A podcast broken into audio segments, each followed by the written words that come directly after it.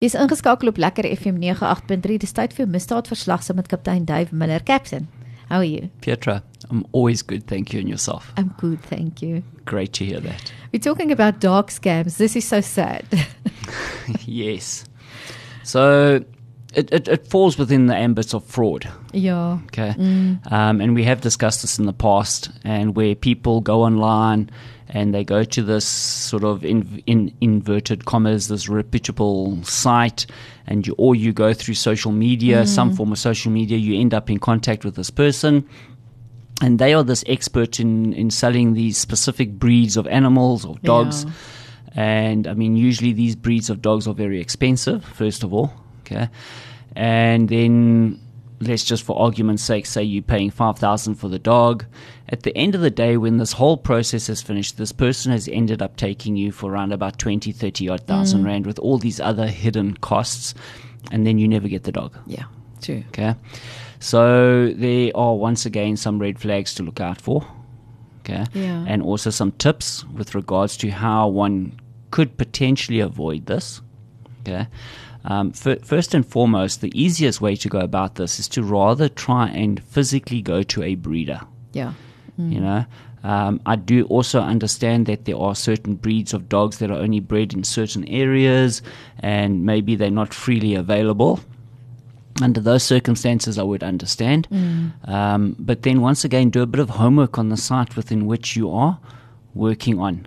Yeah. You know, um, ask ask the person for some referrals. uh, You know, um, that's one way to do it. Uh, you know, um, if they are in another province, maybe make some phone calls. If you've got friends in the area, find out if that phys- if that actual address where they say they are working from actually exists. just yeah. Okay, yeah. because a lot of the information will be fictitious on, on that site that you're looking at, uh, you know.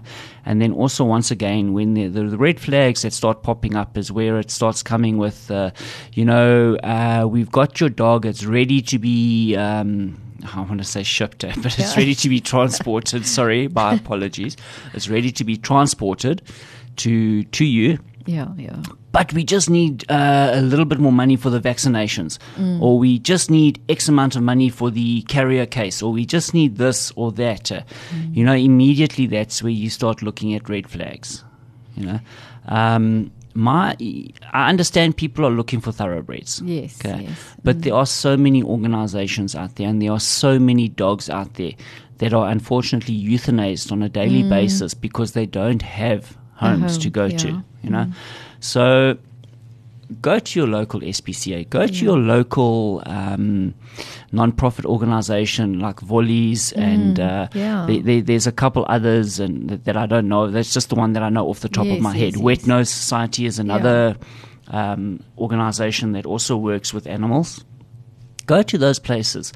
And you know you'll be surprised at the at the at the the animals that they've got there and the quality that they have. uh, Yeah. You know, um, and especially with the SPCA because unfortunately the SPCA their um, their way of working is that they cannot and they do not keep dogs on a prolonged period of time. Yeah. So after a certain amount of time, and I don't know what it is, but after a certain amount of time, unfortunately, for space and things like that, and for whatever other reasons they have in line, those dogs have to be euthanized. The cats Yes, have to yeah, be euthanized. sadly. You know, um, which is a very sad thing. All right. Yeah. Um, and, and I mean, those animals are extremely loving. Yeah. But there's an event coming up at Volleys. That is correct. Well, it's actually going to be in the Lyttelton area. Yeah. It's going to be at the um, sports grounds in Lyttelton Manor, um, which is just just off of Botha Avenue. The soccer fields that are there. It's a free event. Um, there are a number of organizations that are going to be involved in this event. It's with regards to creating awareness to pet owners and, Yeah. and to um, specifically it's relating to dogs with regards to um, s- different types of breeds of dogs and how they react and Yeah. we've seen in the in the news lately how there have been attacks by certain breeds of dogs and yeah. people are up in arms so this is also about creating awareness with regards to if you own a breed of dog that is Yeah. in inverted commas a vicious dog Yes. What to do, how to do it. You can get advice from the ex- experts that are there. Um, we will be having um, members from both the TMPD, the Tshwane Metro Police, as well as the South African Police Services, K9s, and specialized units that will be doing a tactical display there on the day. There will also be a number of other um, non-profit organizations that will be displaying what they have Yeah, available in terms of animals and so forth.